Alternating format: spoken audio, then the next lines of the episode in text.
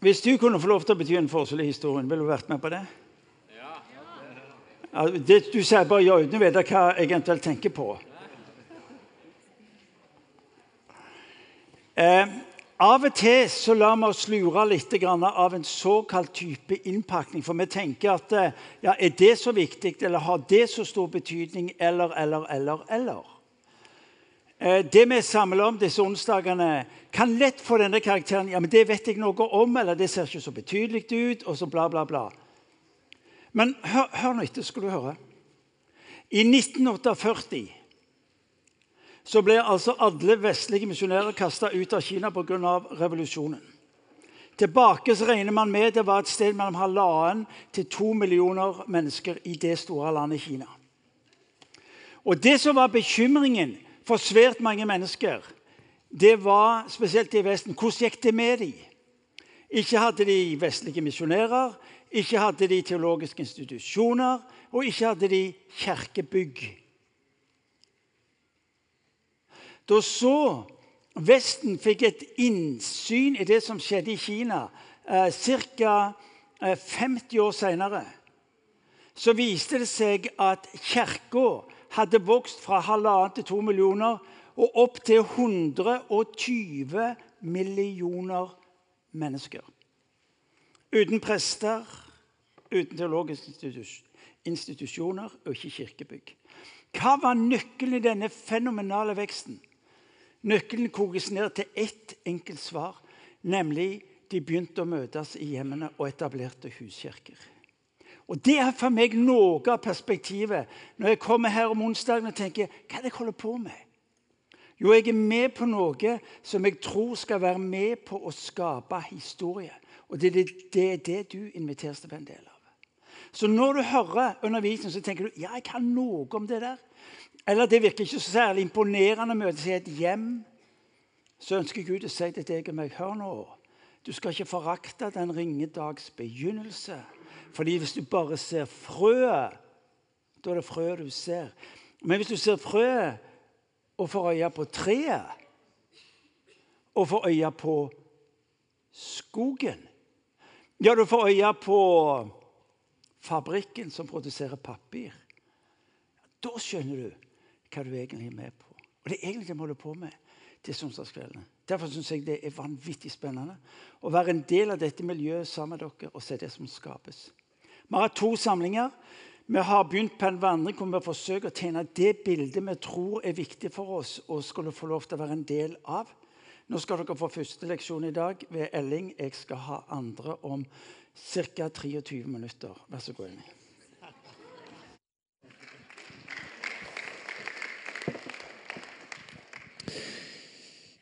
Nydelig. Hvor mange er første gang med på disse kveldene i kveld? Bare for å se han i været. Ja, Det er faktisk en god gjeng. For det første kjempebra at dere kobler dere på. Og for det andre eh, bare minne igjen om at eh, undervisningene legges, tas opp på video og legges ut på nettsidene våre. Så du finner de eh, på imikirken.no eh, hvis du vil gå inn og se fra de to forrige ukene. Vi har hatt første kveld med sånn basics i huskirker. Eh, om hvorfor det er viktig. Eh, vi hadde forrige kveld hvor vi snakka om eh, hvordan huskirkene kan være med å hjelpe oss til å nå ut, til at andre får møte Jesus, bli kjent med Jesus. Og så skal vi i kveld si noe om hvordan huskirkene hjelper oss til å leve livet som disipler.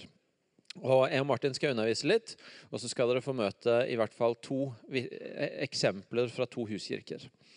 Ehm, det er jo sånn at eh, det er bra for oss som menighet, og som, eh, også som eh, enkeltmennesker, å innimellom stoppe opp og, og minne oss sjøl igjennom og spørre hva, hva er det egentlig Jesus har bedt oss om å gjøre? Hva er det egentlig han har bedt oss om å være hovedfokus for det vi holder på med? Matteus 28, hvor han eh, gir misjonsbefalinger, så sier han Gå derfor ut og gjør alle folkeslag til disipler. Og Det er stadig vekk en sånn påminner for oss om at, om at det å eh, Enten vi nå kaller det disipler eller etterfølgere av Jesus, det å hele veien minne hverandre på og holde fast i at i alle ting vi gjør, store og små ting som kan føles viktige, så er det til syvende og sist Jesus har bedt oss om, det er at vi skal hjelpe mennesker til å bli etterfølgere av Jesus. Vi skal ikke måles til slutt som menighet på, på hvor stort budsjett vi hadde, på hvor mange vi hadde på gudstjeneste, på hvor mange eh, arrangement vi hadde, på hvor mange medlemmer vi hadde. Alle de tallene som kan være gode måleindikatorer som kan hjelpe oss til å gjøre disipler. Men til syvende og sist så er spørsmålet som stilles for oss, det er blei det etterfølgere av Jesus for det. Derfor har Imi-kirka en visjon som sier at vi vil gjøre verdifulle mennesker til bevisste etterfølgere av Jesus Kristus. Og Jesus han sier at vi skal gjøre disipler, og så sier han at han skal bygge sin kirke. Så hvis vi er opptatt av at mennesker får hjelp til å bli disipler, så har han lovt å sørge for at menighetene våre blir bygd opp og vokser seg sterke. Og så er spørsmålet hvordan gjør vi det? Og hvordan Eh, hvordan lever vi i det? Vi, vi, lever i et samfunn hvor det er utrolig mange forskjellige fokus som kan ta tak i oss, og som vil ha vår oppmerksomhet. Og også som kristne og i kirka så er det lett sånn at det er utrolig mange forskjellige ting som vil ha, som vil ha vår oppmerksomhet, og som lett kan bli veldig viktige for oss, og som kan føles som viktige. Og så er det en av utfordringene våre er hvordan kan, vi, hvordan kan vi gjøre i alt dette som er komplekst, og hvor det er masse forskjellige ting, hvordan kan vi finne fram til noen enkle ting som hjelper oss til å leve livet som disipler? Eh, det er ofte sånn at vi vi føler at vi må ha fokus på mange ting, og så er det egentlig noen få ting som er det som avgjør om det blir det vi ønsker at det skulle være eller ikke. Og I kveld så skal vi bruke en eh, Eh, en, en, bibeltekst fra den første kirka, apostlenes gjerninger 2, som skal hjelpe oss til å se på noen grunnleggende kjernepraksiser som huskirka hjelper oss inn i, og som hjelper oss til å leve livet som disipler. Fordi grunnleggende så er det å være en disippel det å si at Jesus er herre i livet mitt. At ut fra det at Jesus er alle ting sentrum, så forsøker jeg å navigere resten av livet mitt. Ehm, når israelsfolket fikk sin Gud og fikk sin bekjennelse til, til Gud, som, som lød at, at, Herren er Gud, Herren er én, så var ikke det oppsiktsvekkende for de at det, fant, at det var en Gud. De var vant til at det var mange guder rundt dem og at de ofra til én for å få god avling, og én til å få godt vær, og én for å passe på familien. Det oppsiktsvekkende for dem var at Gud sa at 'jeg vil være Gud for hele livet deres'. Jeg vil være Gud for alt det som er livet deres. Og Noe av vår utfordring i en hverdag hvor det er mange inntrykk, det kan mange ganger være at vi, har, at vi sprer livet vårt så utover at det blir litt sånn du har en kristen del av livet. Der gjør du de kristne greiene. Og så har du en jobbdel hvor du gjør jobbgreiene. Og så har du en vennedel hvor du gjør venner, og en familiedel hvor du gjør familiedelen. Men så egentlig det perspektivet Bibelen gir oss, det er at Jesus han ønsker å, å være på en måte den ramma over hele livet. At det ikke er sånn en, en del av livet som er den kristne delen, og så er det noen andre deler som er for det andre. Men han, han ønsker å være med oss og gå sammen med oss og støtte og styrke oss, men også få lov til å prege oss og sette retning for oss for hele livet vårt. Og En av utfordringene våre det er hvordan, hvordan hjelper vi hverandre til å leve der. Det er en klok mann som har sagt at, at av og til er det sånn populært å snakke om sånne prioriteringslister i livet. Hva er viktigst av Gud og familie og jobb og venner og alt sånt? Og så sier han jeg, jeg dropper alle, alle, sånne prioriteringslister. Jeg bare lever ut fra at Jesus er herre i livet mitt, og så, og så blir det andre til ut fra det. Jeg prøver ikke å rangere ting, men jeg, men jeg, prøver å holde fast ved hva som er sentrum, og så får det andre fokus ut fra det. Og Det er noe av kampen vår. ikke sant? Det er hvordan, hvordan klarer vi å leve der? Hvor vi holder fast ved at det som skal være sentrum i livet, får være sentrum. Og at det får flyte ut til de andre delene av livet, istedenfor at vi splitter opp i forskjellige deler. Og så har vi en kristen del og en jobbdel og en vennedel istedenfor at alt henger sammen. Og der tror vi at huskirka kan være en nøkkel. For det, vi ser, det er at uh, i Apostlenes gjerninger 2 La meg bare lese den teksten som, som er noe av basen i dag. Der står det De holdt seg trofast til apostlenes lære og fellesskapet, til brødsbrytelsen og bønnene. Hver og en ble grepet av ærefrykt, og mange under og tegn ble gjort av apostlene. Alle de troende holdt sammen og hadde alt felles. De solgte eiendommene sine og det de ellers eide, og delte ut til alle ettersom hver enkelt trengte det. Hver dag holdt de trofast sammen på tempelplassen, og i hjemmene brøyt de brødet og spiste sammen med oppriktig og hjertelig glede. De sang og lovpriste Gud og var godt likt av hele folket. Og hver dag la Herren til nye som lot seg frelse. Her ser vi at de, det står om noen grunnleggende praksiser som disse disiplene i den første kirka Det står at de holdt seg trofast til dem. De holdt trofast fast ved noen praksiser som fikk, fikk hjalp dem til nettopp å holde Jesus som sentrum av livet. Og om, om, noen få øyeblikk så skal Martin gå mer grundig inn og se på enkelte de enkelte av de praksisene og hvordan de hører hjemme i huskirka. Men, men, noe av det jeg tror mange av oss ser, det er at i livet vårt så er det krevende av og til å holde disse her kjernepraksisene som gjør at Jesus får være sentrum, og, holde fast på det på egen hånd, alene. Det er en sånn erfaring av at vi trenger å komme sammen og hjelpe hverandre til å gjøre de grunnleggende kristne praksisene for at de skal hjelpe oss til å sette Jesus i sentrum av livet. Og i denne, først blant disse første kristne så står det noe om at disse levde i en rytme. Der står det at hver dag holdt de trofast sammen på tempelplassen, og i hjemmene brøt de brødet og spiste sammen med oppriktig og hjertelig glede. Noen ganger så blir det en sånn at vi snakker om en motsetning mellom det som skjer når vi kommer sammen i dette store bygget, og det som skjer når vi snakker om de små fellesskapene, huskirkene, der hvor vi møtes i hjemmet. Men det vi ser her, det er at, at disse første kristne de levde i en rytme hvor de veksla mellom å møtes alle sammen på tempelplassen til den store samlinga, hvor en kan bli inspirert, hvor en kan kjenne at en del av et større fellesskap, hvor en kan få et blikk på hva Gud gjør, breiere enn bare i ens egen lille fellesskap. Og Samtidig står det at de daglig kom sammen i hjemmene og hadde dette nære fellesskapet hvor de fikk hjelp til å leve disippellivet. Og Det er viktig for oss også å få tak i at, at vi spiller ikke det store og det lille ut mot hverandre. Vi spiller ikke det å komme sammen mange og viktigheten av å komme sammen i hjemmet ut mot hverandre, men vi sier at vi tror de tinga hører sammen i et liv som disippel. Å kjenne at du er en del av et stort fellesskap, en stor menighetsfamilie, hvor Gud gjør mye forskjellig, og at du samtidig er planta i ei huskirke iblant en mindre gjeng som hjelper deg til å leve i det kristne livet i hverdagen.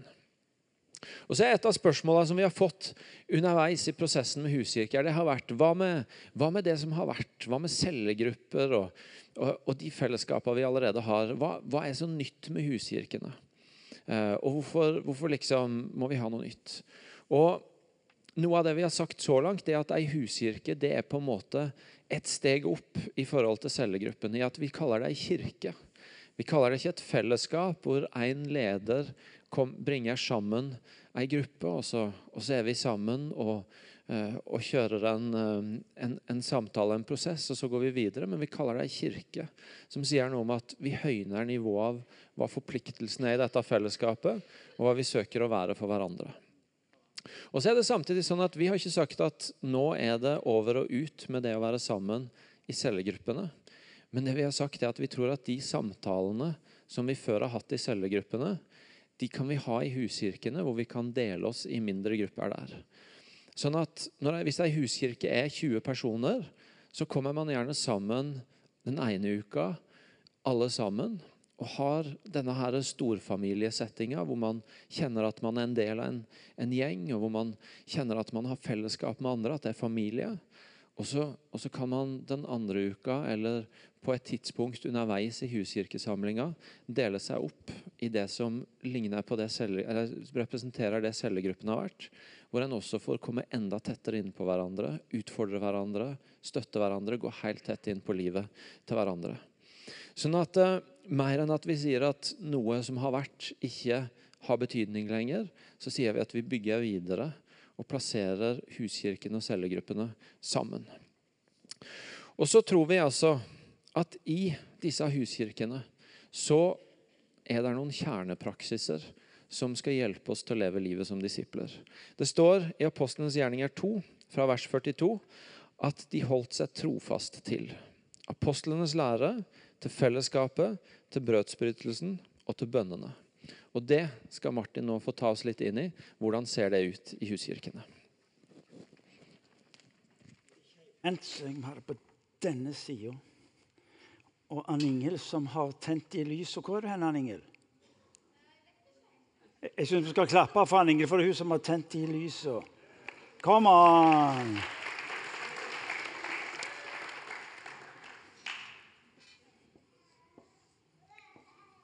Hva er det?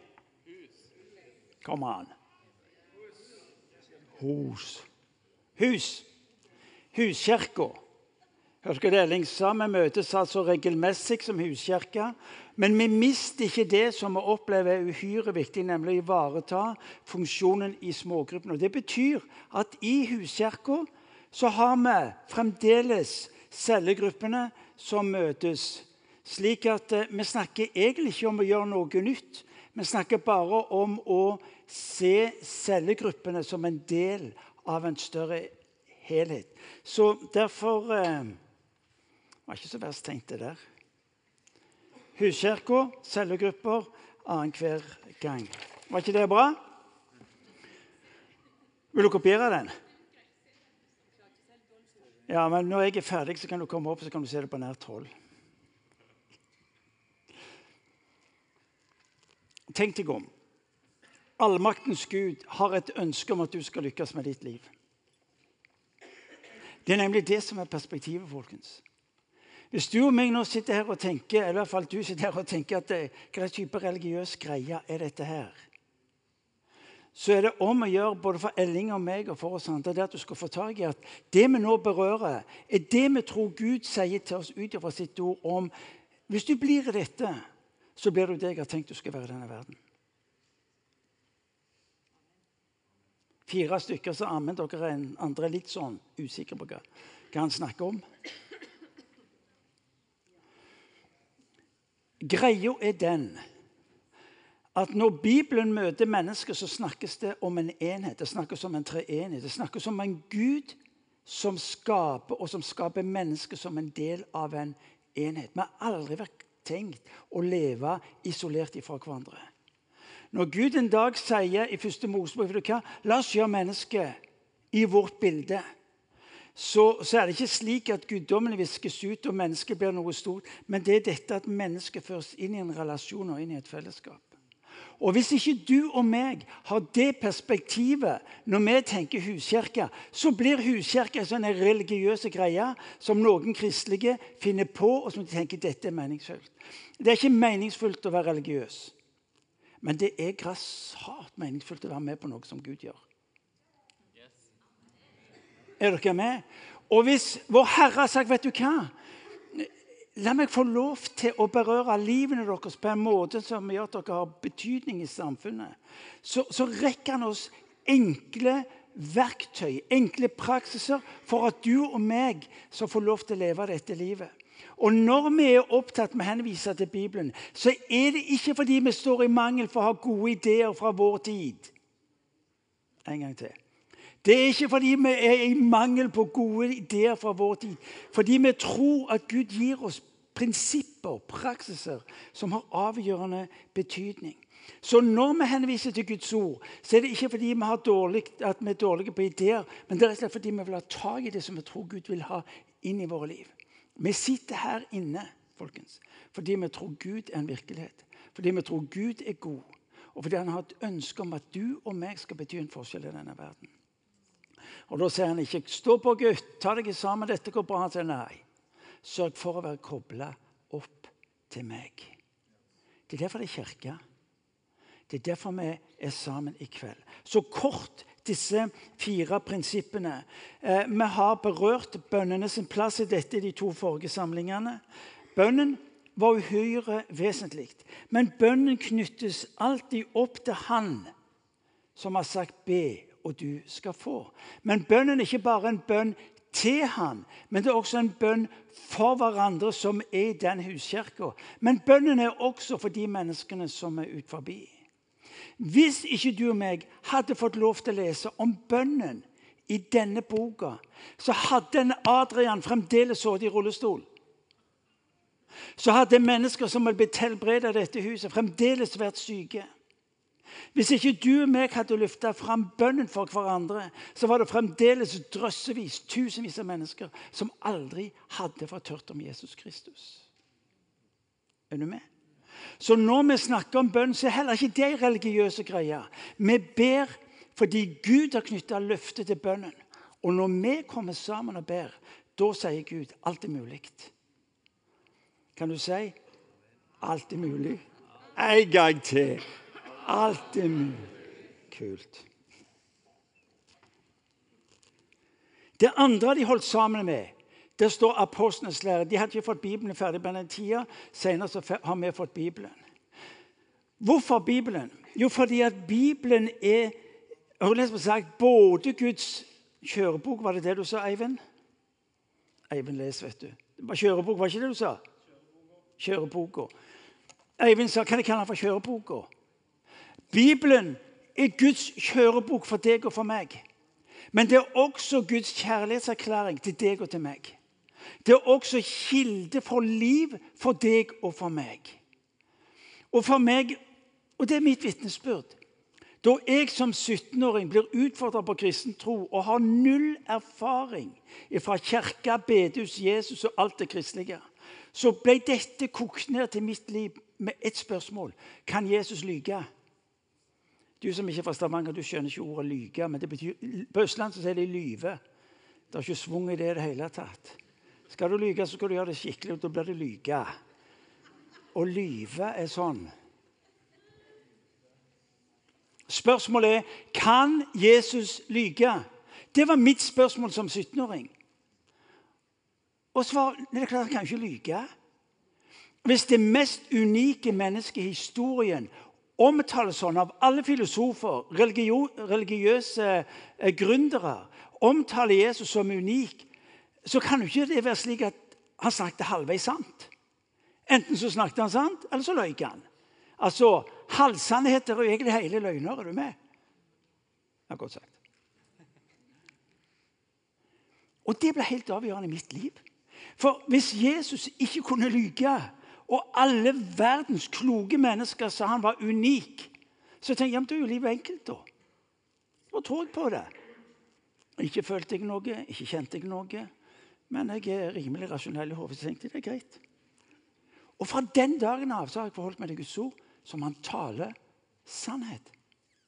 Og det er et faktum at du og meg hadde aldri verken våget Bare tenk deg å legge hendene på et menneske som er sykt, og tro at det mennesket kan bli friskt. Det er så Det var som en sa kristne burde sperres inne på psykiatrisk, for de hører jo stemmer i hodet.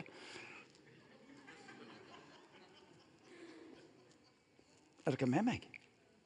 Hvorfor i all verden Hvorfor legger vi hendene på de Jo, fordi Bibelen sier det. Og du er ikke idiot for det om du gjør det. Tvert imot, det er så mange vitnesbyrd. Det er hundrevis av vitnesbyrd i denne menigheten om mennesker som sa at når noen valgte å følge Guds ord, så skjedde det noe i mitt liv. Er dere med meg? Ja. Så når vi snakker om Bibelen som en del av huskirka, så er det ikke bare fordi at du skal ha kakepynten på plass. Er du med? Den religiøse. Men det er fordi det er selve fundamentet vårt. Så det står at de la vekt på, de holdt fast med, altså det som de lærte. Og vi ønsker at Jesus skal få være den som setter retning for resten av livet. Da må du og meg våge å lese Guds ord som det står, tro det som det står, og du skal få erfare det som det står. Det er det en annen som har sagt, men jeg syns det er godt sagt. Vi ønsker at det skal skje to ting som følge av huskirka. Det ene er at du og meg får hjelp til. Vi blir stimulert, vi blir oppmuntra, inspirert til å lese Bibelen på egen hånd. Fordi at når jeg leser Bibelen, så får Gud tale den i livet mitt. Skape tro og ta meg ut i det som er av Han.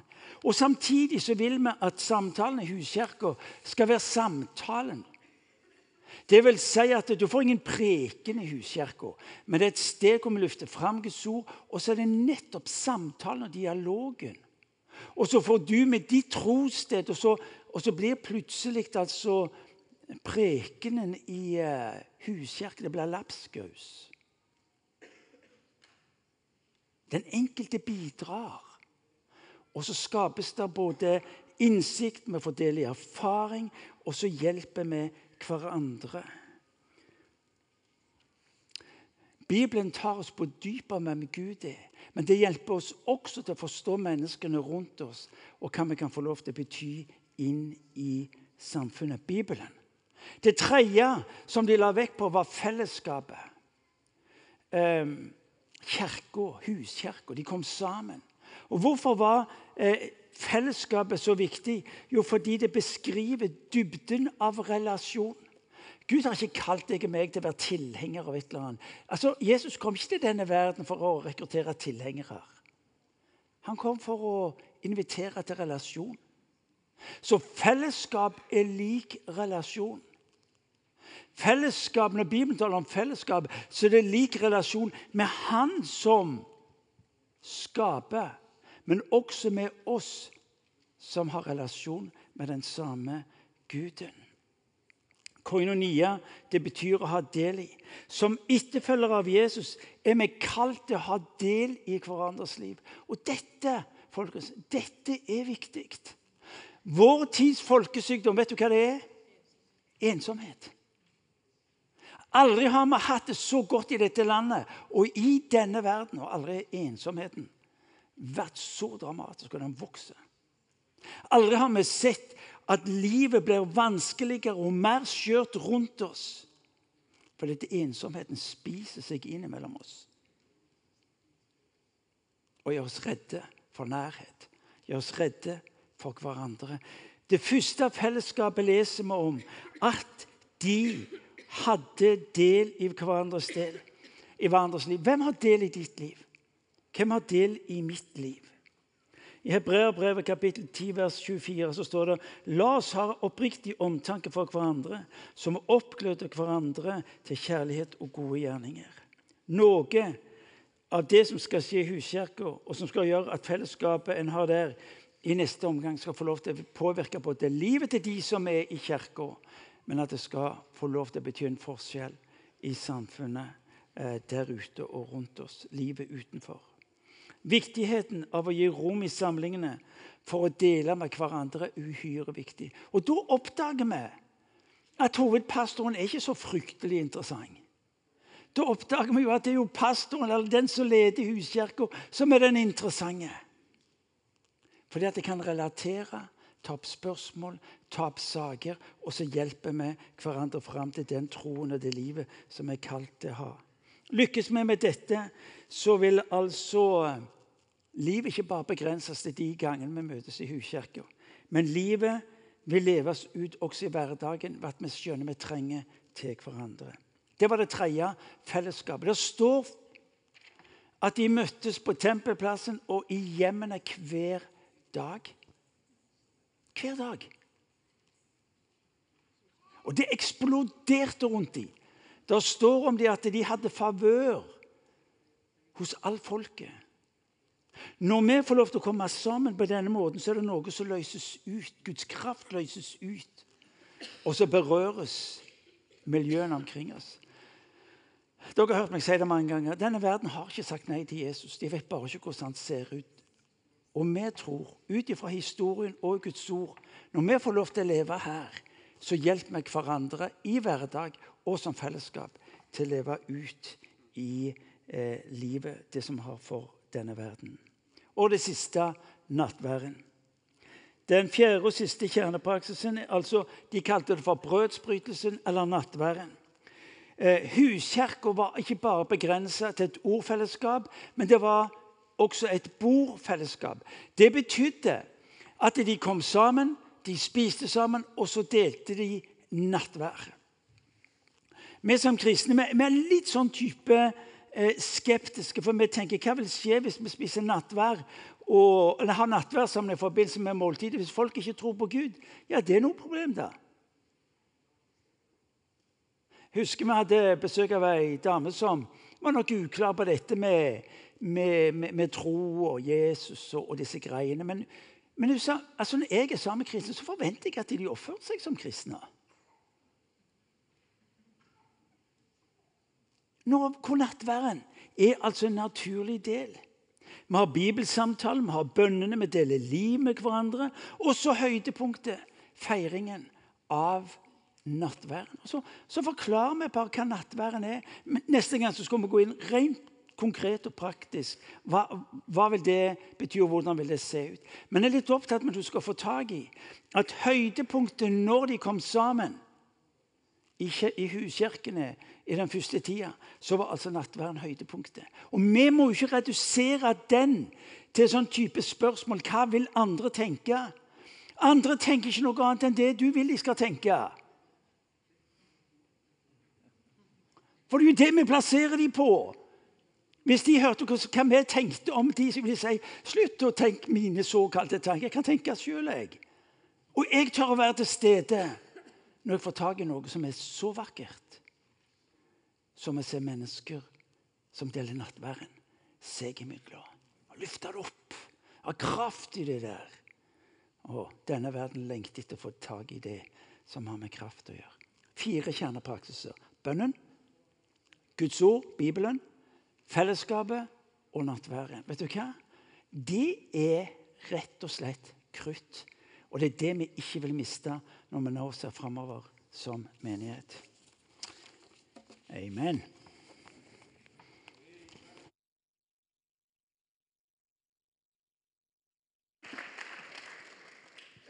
Jeg har lyst til å dele et lite vitnesbyrd angående det med nattverd. Når du tenker på kirka vår den, der har vi den I statskirka så går vi jo til nattverd for det om det er folk som ikke tror. Eh, fordi at eh, vi tror at når de ser hvordan vi tror, så kan de oppleve hvem vi tror på, og hvem de kan tro på. Og min mor, hun så Eller jeg sa til henne Neste, for Hun torde ikke ta nattvær. Så sa jeg det at neste gang du går til nattvær, så hør etter hva presten sier. Så ringte hun til meg etterpå og så sa hun, jeg gjorde som du sa, og nå har jeg òg tatt nattvær. Hun var langt over 70 år. Ok, Bare til et vitnesbyrd at vi ikke begynner å tro at det er for vanskelig for folk. For egentlig er det ikke det. De får bare tak i hvordan Gud vil vi skal leve. Nå skal dere møte to huskirker.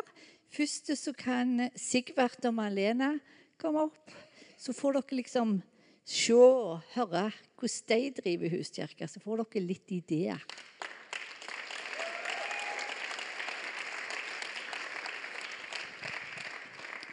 Sigvart, hvor mange år har du vært med i huskirke? Begynt på tredje nå. Kan du fortelle hvordan huskirka di har sett ut? Ja, det kan jeg. Eh, skal jeg holde den, eller holder du den? Ja, nei, bra til stativ. Så bra. Du, eh, vi startet eh, som en gjeng studenter rett etter å gjøre ferdig makta. Vi hadde eh, Hvordan det så ut, ja. Vi begynte med først en praksis vi fant ut vi måtte møtes hver uke for å bygge gode nok relasjoner. Annenhver uke det var litt for tynt for oss. Så hadde vi en så har vi tre ting som vi gjør. Tre verdier som vi har med oss. Det er dette med at vi er opptatt av Guds godhet. Vi er opptatt av, av Guds nærvær, til mot det han har for oss. Og vi er opptatt av at vi er en familie. Og særlig det familieaspektet er veldig godt for studenter så har vi to momenter som, som skjer hver gang eh, når vi er samlet. og Det er at eh, det ene er at det er et måltid, og det andre er at det er tilbedelse. Eh, på en eller annen måte. For oss så, så det ut som at vi samlet. Første året så, så gjorde vi noe, prøvde vi å lage et veldig lavterskel, så vi kunne invitere venner som ikke var kristne med. Vi må tilstå at vi fikk ikke det til. Så vi snudde det om eh, og høynet litt den åndelige, åndelige temperaturen. eh, og begynte med å heller eh, fokusere på de kristne som var der, og utruste de der. Eh, vi møtes, vi har to deler. Vi møtes, spiser sammen, og så tilber vi eh, sammen. Deler vitnesbyrd, ber, eh, ja, leser Bibelen. Eh, etter hvert så fant vi ut at det var bedre hvis vi snudde det. Så nå eh, begynner vi med å be, eh, tilbe, eh, og avslutter med et måltid sammen. Dere samles annenhver gang til cellegrupper med disippelskapstenkningen, sant? Det stemmer. Eh, hvordan gjør dere utdelen? Disippelskap, tenkte du? Nei. Nei. Nå tenker jeg, ja, dere ber for deres ikke-kristne venner. Eh, Men hvordan gjør dere det? Du sa dere fikk ikke til å invitere inn. Men dere har en dimensjon med i verdien deres at dere vil gjøre Guds godhet tilgjengelig for andre. Hvordan gjør dere det da, når dere ikke inviterer dem inn i selve huskirka? Du, det, var jo veldig viktig, for vi ville ha med oss denne verdien. Vi kan ikke, vi kan ikke, bare fordi man er god på to av tre, så må man eh, fort fokusere på den tredje. Eh, Den måten vi fant ut var, var best, eh, var Det ene var en kollektiv, den andre var en individuell. Eh, Den kollektive, der vi, eh, møtes vi utenfor. eh, Og vi har godhetsstunt, enten det var å gå på US, gi boller, snakke med folk, eller å slenge oss med på det som kirken her allerede gjør, som bussen på lørdager og fredager nå. Og, og, dette, og vi på en måte går samlet ut som en gjeng og gjør noe sammen.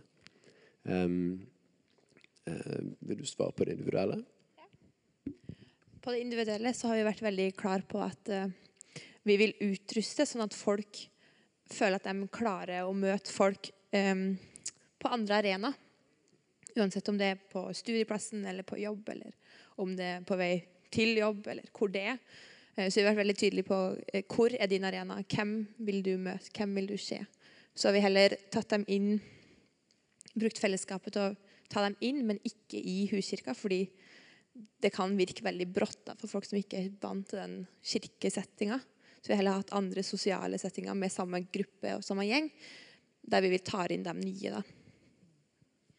Så det du sier at da lager dere egne arenaer, slik at de kan være med, at de ikke foreløpig kom inn. Men du sa at flere av studentkirkene fikk det til. Dere hadde ikke fått det til, dere har gjort det på denne måten, og det trives dere med. Til vi ser en ny utvikling med vennene deres. Mm. Dere har gjort òg en viktig ting. Dere har tenkt at det er viktig å plante. Hvordan har dere gjort det? Eh, måten vi planter på, det er eh, at vi må skaffe ledere. Hvis ingen vil lede, så er det vanskelig å plante. Eh, det var en klok mann som sa at eh, det vi alltid mangler, det er ledere. Måten jeg har gjort det på, eh, er å samle et lederteam rundt meg, bestående av fire, fem, seks stykker. Ta de med på inn i liksom, avgjørelser, møtes utenom. Gjerne møtes eh, tre kvarter før huskirken og be og snakke sammen. Um, og så hadde vi en sånn bare for å altså Når du blir sjef, sant, så har jeg skjønt at man kan bli maktgal. Og eh, man eh, tenkte skulle, nå skal jeg teste dem litt. Så da fikk jeg de til å møte én gang i måneden klokken seks for å være med og be til klokken syv. Det var på morgenen. Det var veldig stor suksess. Eh, fant ut hvem som var A-mennesker. Mm. Eh, det er måten jeg, eh, jeg har eh, vært med på å reise opp ledere. eh, og har fungert ganske bra. Vi har fått sett flere som har vært med på plantinger, eller har plantet selv.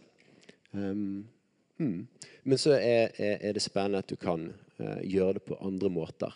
Eh, og jeg tenker det er noe styrken med huskirker. At det er flere måter eh, å gjøre huskirke på, så lenge du har med disse elementene. Du sa du var veldig tydelig på dette å gå firkanten med folk. Om dere kan, når jeg sier ordet firkanten, skjønner dere det? Ja. Hvem som ikke gjør det? Rett opp ei hånd. bare, Å ja, der er noen. Firkanten, her er det sånn. Du, Kan ikke du vise meg hvordan du underviser nå? Det trenger ikke være jeg som gjør det. Nei, kom an. Det ikke jeg skal gjøre det. Ja, fantastisk. Um, det, det vi gjorde uh, med firkanten, det er at vi gjør en veldig enkel prosess. Hvordan utruste ledere. Måten vi gjør det på, er at vi først um, første året, uh, helt i slutten av første året, uh, da var Malene ferdig på akta. Og hun var med oss i det lederteamet som vi hadde da, mer som observatør. Eh, vi kaller det D1-fase. Det var jo kjempelite, stakkars dere. Um, og det er mer sånn eh, fra mitt perspektiv jeg gjør, du ser på. Så går det over i D2. Rett etter sommeren så begynte Malene med i lederteamet hvor hun var veldig aktiv. Du bare snakker om deg selv om du står rett ved deg. Så greit. Hun sa det gikk fint. Så bare Eh, da er Malene med. Jeg, eh, stiller spørsmål, jeg kommer med ting som jeg lurer på. Eh, vi får idémyldring, vi får opp. Og det blir en mer 'jeg gjør, men du hjelper'. Også under selve samlingene så vil man få ansvar, og du har liksom en, en stigning, en gradering. Ja. Så kommer du til Nå er det sikkert dette er feil. D3 det som er greien med D3, der snur du. Og dette dette er nok en av de vanskeligste, eh, opplever jeg selv. Eh, hvor det blir 'jeg hjelper, men Malene gjør'. Der må jeg ifra mitt, og egentlig ifra kontrollen, over til henne. Eh, for oss så skjedde det at eh, jeg ikke hadde en rett balanse mellom arbeid og hvile. Eh, og måtte eh, på et tidspunkt etter nå i januar gi meg som leder. Eh, så Malene fikk det litt i fanget og hoppet omtrent over til D4, som er 'jeg ser på', og 'hun gjør'. Um, og nå, eh, slik situasjonen er nå, etter jeg har kommet meg litt, så, så, er vi fremdeles i D4, der Malene hun tok over for et halvt år siden. Styrer alt sammen. Gjør en glimrende jobb. Eh, jeg vil bare si at da jeg måtte gi meg, og du liksom oppdager du gir over tingene, så plutselig ser du ting går enda bedre. og Du ser det kommer en ny høyde, og lederne bare blomstrer opp enda mer. og Sykt sykt spennende hva Gud gjør. Um, poenget mitt akkurat nå så fungerer jeg litt som en mentor. Vi har en kaffe en gang iblant og stiller spørsmål. Men Malene er den som tar avgjørelser, leder videre, og hun gjør en fantastisk jobb. Mm. Tusen takk. Malene, det er ikke noe mer du vil si? Nei. Det er bra. Jeg tror vi har fått noe nok. Kjempebra. Takk skal dere ha. Så skal dere få møte ikke studenter, men voksne folk. Så skal dere få møte huskirka til Anne Kristin og Stiv. Hvordan ser huskirka deres ut? Se for dere at det er en tirsdagskveld Klokka er sju, eh, og vi har laga kveldsmat eh, i stua. Så begynner det å ringe på døra. Så kommer det en familie med to tenåringsjenter. Så kommer det en annen familie med ei tenåringsjente. Så kommer det ei dame for seg sjøl. Og så kommer de hjem til oss. Så har vi et uh, fellesskap. Måltid. Vi spiser kveldsmat sammen. Um, og så sitter vi der og snakker om forskjellige ting. Så tar Stiv Steve, da, som på en måte er pastoren i denne huskirka vår, fram den store, svarte bibelen sin, eller vår. Så leser han et fint vers, og så snakker vi om det alle sammen. Og Da er det ikke bare slik at det er vi voksne som på en måte har innspill. Men da er det spørsmål og forskjellige ting som ungdommene også kommer med. Så sitter vi og snakker gjør forskjellige ting, og så sier plutselig en av jentene du, nå må vi ha nattverd. Skal ikke vi gjøre det snart? Skal ikke vi ha nattverd? Og så deler vi nattverd rundt bordet. Og det er en veldig høytidelig stund vi har sammen. Um, der vi får lov til å dele brød og vin, og der vi får lov til å be for hverandre og med hverandre. Lenge så, så har jo vi Vi har jo flere barn, uh, slik at dette har ikke vi gjort så lenge. Og Ofte så er det jo slik at jeg blir litt frustrert over at vi skal gjøre forskjellige ting. Da meg og andre damer sammen Stiv og andre menn sammen. Ungene er for seg sjøl. Så det som har vært så utrolig spennende her, i denne settingen, er at vi er sammen om dette. Og jeg trodde egentlig, for å være helt ærlig, at det gikk ikke an. Hvis jeg skal være helt ærlig. Og jeg tenkte å ja, vil de være med oss? Så fantastisk. De faktisk vil være med oss. Og nå er det slik at Vi tenkte kan vi holde på sånn, og så kan de gå og spille et spill eller gjøre andre ting. Nei! De vil faktisk være sammen med oss hele tida. Og Det er en oppmuntring til alle oss som sitter her, som har familie og barn, og tenker at hvor skal vi bevare dette? Jo, vet du hva? legg til rette for at eh, alle er deltakende. Legg til rette for at alle er med. For da eh, er det ekstra kjekt. Glemte jeg noe nå? Nei? Snakk til folk. Nei, jeg syns det var kjempefint. Det, og det er viktig for meg å si at dere er familier som er sammen, dere er òg enslige Ja. sammen. Og det syns jeg er- Hun takket meg. Det var en misjonær som var her i et år. Og trong en, et hjem å være i og gå i huskirke. Hun takket for alt hun hadde fått gjennom dere før hun reiste til Madagaskar. Og det er litt viktig at vi kan være både familie og enslige sammen. Så tenker jeg litt, Stive, hvordan gjør dere utdelen? Altså, Vi snakker om ut. eh, Vi, vi bruker ofte denne trekanten her for å vise et bilde av et disippelliv. At disipler de lever i relasjon opp til Gud, altså inn til fellesskapet, og så ut til hver noen seg. Så jeg tenker denne her trekanten beskriver oss som huskirke også. At vi hadde en oppdimensjon med Guds ord, med bønn, med tilbedelse, fokus på Gud. En dimensjon med det fellesskapet, familie, ta vare på hverandre, bygge relasjoner. Men denne biten her virker som det er den som utfordrer oss alltid. Sant? I alle de årene jeg har vært kristen vet i grupper, så har det vært den som vært mest utfordrende å få til. For av naturen er det greit å være sammen og hverandre med Gud, men hvordan skal, vi, hvordan skal vi dele det med andre? For oss har det vært enkelte praksiser. Det ene er at vi har bedt for folk som um, ikke er kristne. Uh, de er ikke alltid like strukturert. Nå har vi bestemt oss å bruke disse bønnekortene vi fikk utdelt her. Der vi skriver ned navn på mennesker vi ønsker å skal møte Jesus. Hva kommer nærmere han?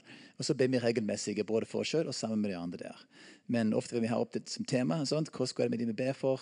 Hva skal vi der? Hva som har skjedd siden sist? At vi holder det oppe i bevisstheten. At vi har det fokuset der.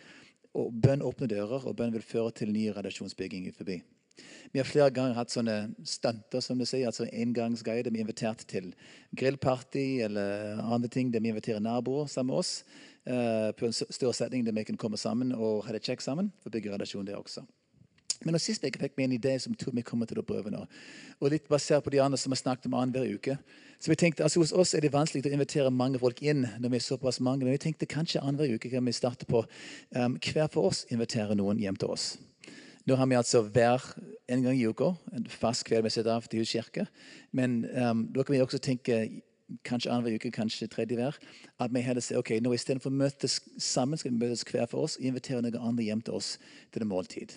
Bygge relasjon. Ha sånne fast kveld der. Så det er en ting vi har lyst til å prøve nå, eh, for å se om det kan hjelpe oss enda mer til å bygge den tette relasjonen rundt matbordet med folk som ikke kjenner Jesus. Jeg syns det er veldig kjekt å kunne bruke heimen og samles i heimen. Eh, vi har noen fantastiske heimer, folkens.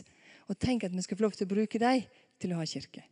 Eh, og så er Det sånn, det høres jo sikkert veldig flott ut. Så er, går vi en vei. Det går litt opp, og det går litt ned, og det går litt fram og det går tilbake. Det er jo ikke alltid det er like fantastisk, disse samlingene. Men det er noe med at vi, blir, vi, vi, vi jobber oss sammen mens vi går. Og så er det utfordringene. at Hvordan skal vi eh, ha et eh, åpent kveldsmatbord der det er plass til flere? Slik at det at vi deler opp nå, gjør at meg, og Stiv kan invitere hvem vi vil den andre onsdagen eller tirsdagen. Og da kan vi gjøre det på forskjellige måter. Og det syns jeg er kjempespennende. Det er det som er spennende med disse huskirkene. De er bare så forskjellige. Jeg har mista kontrollen for lenge siden, selv om jeg liker å ha kontroll. Du er veldig glad for det, du. Det er helt sant. Jeg er jo litt politien. Holder dere på med det? Gjør dere sånn? Gjør dere sånn? Så det er bare godt. På søndag så skal dere få møte eh, Ja, dere er ferdig. Gi dem en god klapp.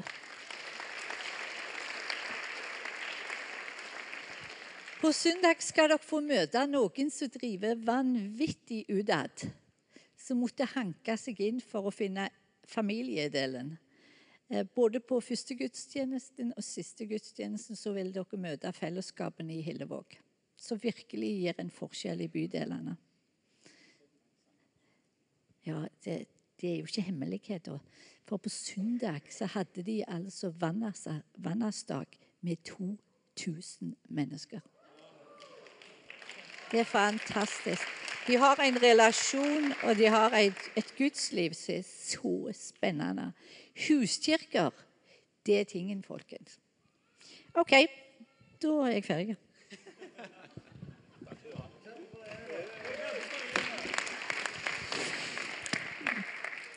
Vi prøver ikke å gjøre kirke vanskeligere, men å gjøre det enklere. Eh, ved å samles i et hjem rundt et måltid og holde fast ved noen enkle praksiser som kirka har fulgt til alle tider. Å dele bønn med hverandre, dele Guds ord, dele liv, hva som skjer i livet våre med hverandre, og dele nattverden. Nå skal vi gå i grupper, sånn som vi bruker, hvor dere som er i huskirke sammen, går sammen. Dere som er i cellegruppe sammen, går sammen. Og dere som ikke er i et sånt fellesskap her nå, samles borte på den sida, og så vil Irene fordele dere i grupper. Og så er det to, to spørsmål jeg vil dere skal snakke om. Det ene er hva, hva er det, Sett ord på hva trenger jeg hjelp til i mitt disippelliv er det sånn at For meg så er det vanskelig å åpne opp og dele hva som skjer i livet mitt. Jeg trenger å komme rundt det bordet og få hjelp til å snakke om livet mitt. Eller jeg skjønner ingenting. Jeg vet ikke om dere hørte Sven sitt vitnesbyrd på søndag, som slutta videoen med at han opplevde Bibelen. Når han leste i Bibelen, så var det som å lese et styrereferat. Jeg trenger hjelp til å komme rundt det bordet og, og få tak i det som skjer i den boka. Så sett ord på hva du trenger for ditt liv med Jesus i ei huskirke og snakke litt sammen om hvordan dere tenker helt konkret at det kunne se ut for dere i ei huskirke. Hvordan dere kunne tenke dere å gjøre det hvis dere skulle samles rundt disse praksisene vi har snakka om i kveld. Eh, da kan dere gå i huskirker, i cellegrupper, og dere som ikke har et fellesskap, møter der borte og får grupper. Ca. 18 minutter.